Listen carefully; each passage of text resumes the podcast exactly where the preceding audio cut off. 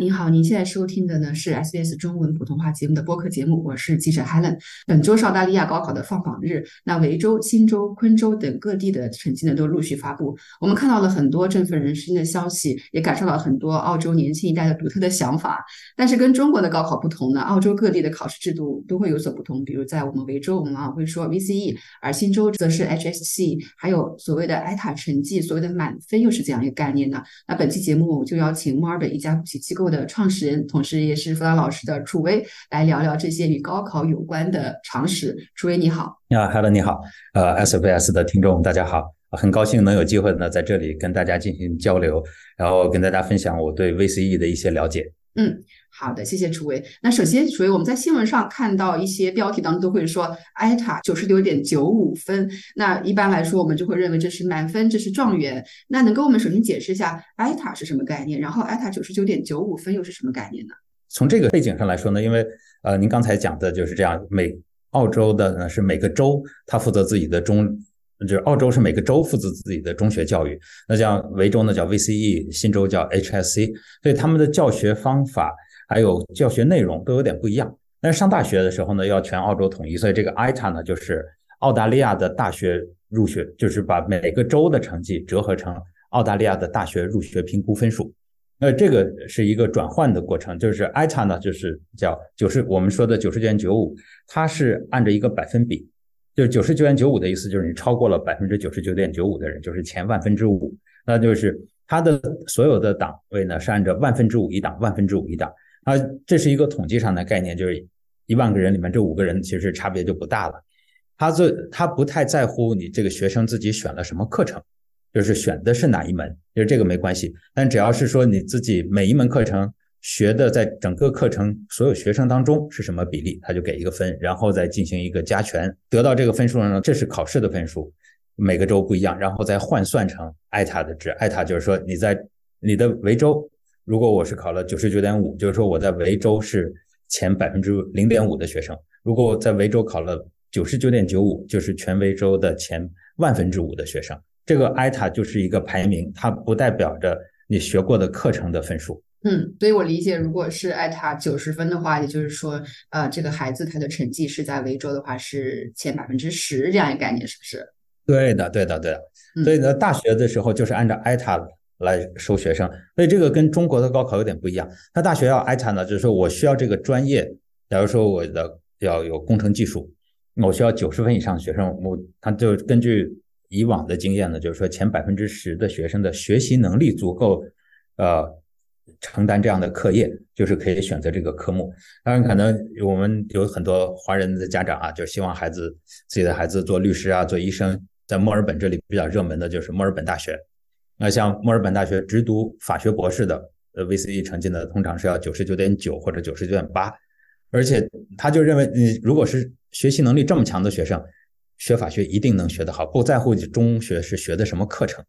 呃，这是一个跟我们，呃，原来认知不太一样的地方，就是在 VCE 的课程选择跟读大学来说关系不是很大，它主要是看你的学习能力有多强。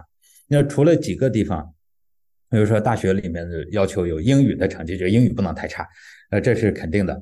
然后另外呢，就是像工程、技术、科学还有金融一些课程呢，要求学生必须学过 Math Method，就是我们通常说的中数，就是数学能力要比较强，要上大学。呃，学起工程技术还有科学来说就学不懂了嘛。呃，另外一些大学呢，像莫大和墨尔本大学，如果是想学工程和科学类的，中学的时候至少物理化学要学一门，比如说你要对这个自然科学有一点了解，有一点兴趣，有一点基础。然后再去学，其实其他就没有什么关系了。嗯，我觉得您已经说的很清楚了，就是基本上这个艾塔成绩表是一个学生的学习能力，但是他的单科的一些科目的成绩可能是表示他的在某一方面的一个特长或者他的强项。那也就是说到说，在咱们维州为例啊，就是这个 VCE 的话，它是有单科成绩的，然后它有一个打分。那么总体来说，这个打分代表着什么？然后在维州的话，这个 VCE 考试的制度大体是怎样？你给我们介绍一下吗？呃，维州的 VCE 考试呢，它是。这样的一个学生呢，至少要学四门课程，还叫四门主课。然后另外呢，多学不限，但是你学的多的课程，最多还有两门课程可以计入到总分。然后它这个计分方式是也也很有趣。呃，只有英语是主课，就是英语课你不管多少分，它都是主课。就是当然你可以选两门以上的英语，就是要有一门当做主课。那其他的课程呢，不管是学数学也好，学物理或者学历史啊、音乐、舞蹈、表演艺术这些，在维州的高考体系来说，他们都是平等的，没有哪一个是更好，或者哪一个是更重要或者更不重要。然后这些分数呢，我们通常鼓励学生是学六门课程。那在这六门课程当中，除了英语以外的其他五门课程，最好的三门课当做主课，那比较差的嗯成绩的两门课呢会当做副课。这两门课的系数是乘百分之十。呃，每一门课呢，它的单科的成绩最高是五十分，然后中位数就是平均值是三十分。那呃，我们举个例子来说，这个学生如果是每一门课程都是三十分。那他的总成绩就是四乘三十一百二十，再加上两个三分，就是一百二十六，它就是一个差不多很平均的成绩。另外一个问题就是说，每个课的难度不一样。比如说，在这个课程当中，拿数学这是最常见的，我们华人的学生选的比较多的。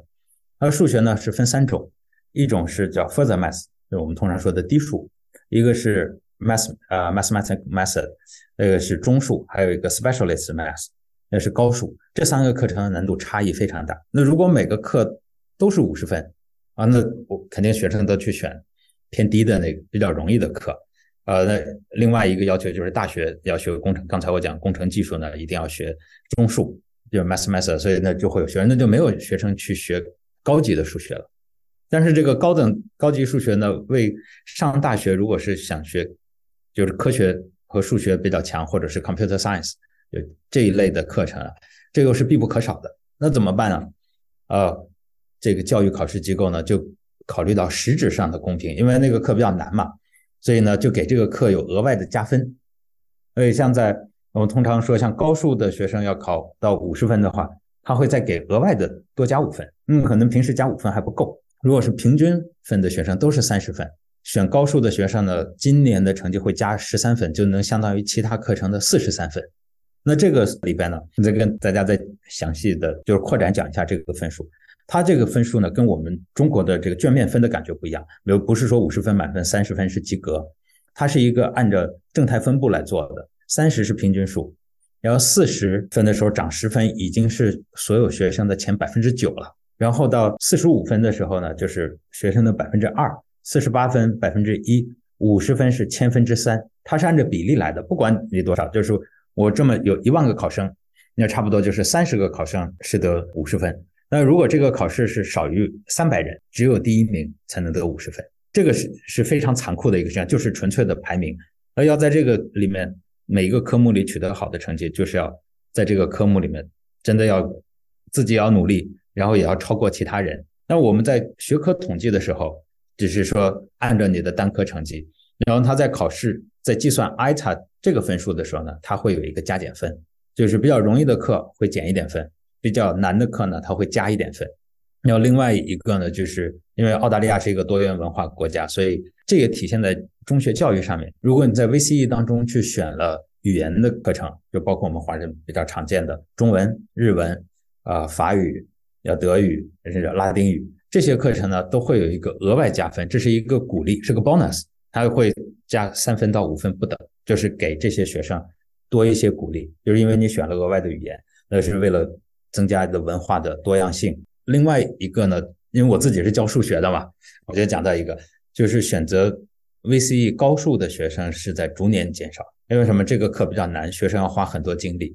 上大学的时候，他又不是必修课。有些学生呢，就像我十二年级的时候，为了 VCE 成绩好一点，然后再有呢，让自己呃这个总的分数漂亮一些。然后让自己有更多的休闲的时间，就是不要给自己那么大压力，所以选高等数学这个课程的学生一直在减少，就是这几年每年差不多有三五个百分点的往下降。不过从我这里看，我觉得如果是说选 VCE 的课程，呃，跟你未来的职业方向还是有关系的。如果真的是职业方向是科学技术类的，还是要趁早学，你现在不学，上大学还要学。而且为了让自己在职业上面、个人发展上更有竞争力。呃，我还是鼓励学生有能力的学生在中学的时候就要选 VCE 的高数课程。嗯，就我听下来，感觉还是要以自己就是你未来的一个发展作为你选择哪个科目的导向。非常感谢您在这方面的建议。那您刚刚也提到了三十四十五十，它是一种正态分布的比例嘛，而不是一个就是你实际考试的一个绝对值。那么我们在看学校排名或者状况的时候，其实也会关注到，很多时候会拿这个 VCE 的一个成绩来考量这个学校。这方面是怎么看？如果一个学校达到了一个三十分以上的这样一个。呃，分数的话，它大概是一个什么水平？哦，对，您问这个问题啊，太好了。就是说，这周 VCE 成绩出来之后呢，就是在教育局来说，它有两个指标来评价这个学校是一个什么样的学校，是好学校或者是怎么样，它的排名。第一个呢是这个全校的 median 啊，median 就是中位数的分数。就刚才我讲，这三十分是单科的中位数，四十分是这个学科的前百分之九，我们通常意义的百分之十，五十分就是满分千分之三。那如果这个学校的学生的每一门课的加在一起的中位数超过三十分，那就说明这个学校是比平均水平更好的。今年呢，整个维州的中位数最高的学校还是 Ballarat Clarendon College，它的中位数达到了三十九分。然后接下来的呃，华人区比较有名的 Hunting Tower，它的中位数是三十七分。还有一些犹太裔的学校，女生学校里面最好的是 Wrighton Girls School，也是达到三十七分。这个是一个指标，就是说。选了这些课的学生，他们平均的水平都很高，就是学校教的比较好。还有另外一个指标呢，就是四十分以上的比例。啊，刚才我们讲，就是四十分是相当于百分之十。那如果这些学校的学生成绩都很好的话，四十分以上的比例会显著的提高。比如说，呃，Ballarat Clarendon College 四十分以上就是百分之十的科目呢，达到了今年惊人的百分之四十五点八。刚才说的 Hunting Tower 它也有三十三点八。就是这么高的比例，今年女生的第一呢，Wrighton 是三十一点四，但是这个两个分数啊是在看学校，因为现在 VCE 它的这种计算方法其实已经把它变成了有一点点，我们说像一个 game 一样的，可以根据它的策略去做。因为我知道有一些学校是为了要提升自己的排名去刷这个 VCE，就是让鼓励学生去选一些比较容易的课。当然，这些学生呢，他们的成绩就会比较高了。那因为他计算的时候是计算单科，他不是计算 ITA 的那个分数，也不是呃计算加权之后的分数。我知道有一些学校呢，他们会鼓励一些成绩比较好的学生去选，就是因为我自己教数学嘛，选 Further Math，因为 Further Math 很容易就考四十多分，但是这个 Further Math 会减掉两三分下来。从学校角度讲，它的中位数就 median 会提升，它的四十分以上的比例也会提升。不过从我这里看，如果说一个学生，他自己要学 IT、学金融，就是就数学比较高的 First Math，除了帮他刷分以外，为他的未来没有什么帮助。那如果作为我给学生建议的话，我就会鼓励他们学 Special Math，就是高数。可能高数他的成绩是三十五分或者是三十三分，就是从他自己的 ITA 讲，三十三分加完分之后，今年是会超过四十五，大概在四十六分，比他考一个。四十五分的 Further Math 的再减掉三分，就变到四十二分，对他的 ITA 来说是更有优势的，对他个人的发展来说更好，只是对学校的排名不好。所以你知道，就是家长在帮孩子选中学的时候，总会看学校的排名，然后会看这些。所以这个排名要仔细一点看，这个排名是做参考，并不是说是绝对的，就是说这个学校排名好，它就好。当然，主要也是看你自己孩子的特点。那如果说你的孩子是一个，呃，各个方面发展比较均衡的孩子，那就没问题。就是就是要看学校的整体，因为跟学校整体水平契合度就比较高。那如果您的孩子自己呢是某方面很有特长，比如说是在舞蹈上面很强，那就要去找一下以前 VC 的成绩哪个学校的舞蹈的水平比较高，那去这个学校呢就能更好的帮助到你。那从我自己来说，我就知道数学比较好的哪几个学校，那你就要去，如果孩子。在这个数学方面，尤其是中数和高数上面比较强的，那就要往这些方向、这些学校去看。像今年在呃 VCE 考试当中是精英公校 Melbourne High，它的这两门数学的四十分以上的学生数和比例都占了全维州第一，而且是远超第二名。那如果是呃私立学校呢，也是这样的。私立学校因为没有学区的限制，你就可以。呃，看这个学校是不是符合你孩子自己的特点，还有他自己对未来的预期，以及家长对孩子的期望。嗯，非常非常感谢您介绍关于学校的排名以及孩子个人的未来的发展的呃两个因素之间的一个权衡。就是其实最终还是要以孩子未来的兴趣，他未来真正想做的这个职业作为一个首要考虑的因素。那我相信您接触的孩子也很多了，然后每个孩子的天资和兴趣都不同。大体上，您对于选择学校或者科目的。建议是怎样的？嗯，怎么样去发掘自己就真正喜欢的科目，以及在这个 VCE 的这个科目上，你大概我们的学生什么时候是需要确认自己的一个兴趣方向会比较好，然后去重点培养？呃，从中学阶段的七年级、八年级，因为学校提供了很多的基础课程，啊，有 science 类、humanity 类的，啊，还有一些 drama 这样的课程呢。七八年级就是广撒网，然后不不要帮孩子。过早的限定他的方向，因为我知道我们华人的家庭的补习这个比较厉害，有些孩子在七年级的时候就开始补历史，或者是就觉得历史课这个学的不太好就补历史，还有一些觉得好的现在就开始补物理、补化学，其实这些完全没有必要。如果真的特别想给孩子补课，就是补英语就行，因为我们华人毕竟家庭是说中文嘛，这个上面多补一补就可以了。七年八年级的时候就找兴趣，其实成绩不重要，就是看。可以经常跟孩子沟通一下，你觉得哪个课最好玩、最感兴趣，去发展这个。然后九年级、十年级的时候，因为那个时候学校也会提供一些选修课，可以自己尝试。然后看一下这个选修之后自己的感受。选修过之后，可能就说哦，这个课程我觉得不适合作为我的 VCE 的课程。举个例子来说，我自己家孩子，他明年 VCE 开始学习 VCE 了。他在学校的时候，今天选了经济学，他觉得对那个很好玩，但上了。这半年之后呢，觉得嗯，这个还真的不是我的菜。比如说 VCE 的时候呢，这就不选了。这个是九年级、十年级利用学校提供选修课的机会，尝试一下自己的兴趣点，然后感受一下。如果说好打了一个基础，我真的喜欢，又能学得好，作为 VCE 课程，这是一个先导，能让自己的 VCE 学得很好。然后试过之后呢，觉得这个嗯不是，并不是特别喜欢，只是了解一下就行，就可以放弃。这样能让在 VCE 的选课的时候呢，少走弯路。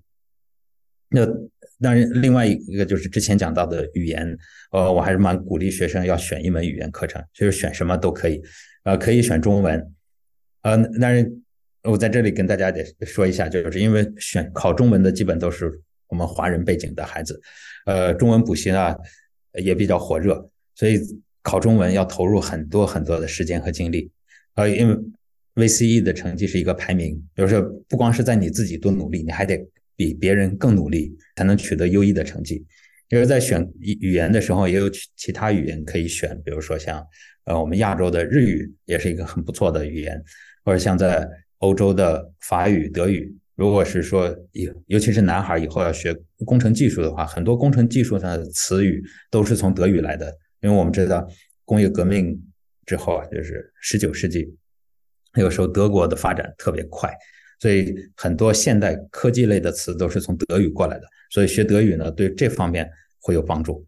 而如果说是学法语，我们知道法语是世界就是应用第二广泛的语言，那肯定又帮自己又打开了一扇窗。然后包括了解欧洲的历史文化，包括现在的现实社会问题，就是非洲有大量的国家使用法语，那就是这些都是为自己未来职业打。基础的一个很好的选择。嗯，非常非常感谢楚威的介绍。从您本身专业出发，数学，然后也谈到其他的 VCE 科目的选择，我觉得都是非常非常好的建议。那我觉得还是每个家庭、每个孩子他的一个天资和兴趣都不同，所以家长还是要综合这些建议，然后来根据自己孩子的兴趣和爱好来最终确定来去考什么、怎么考。非常非常感谢楚威，谢谢。啊，好的，谢谢你。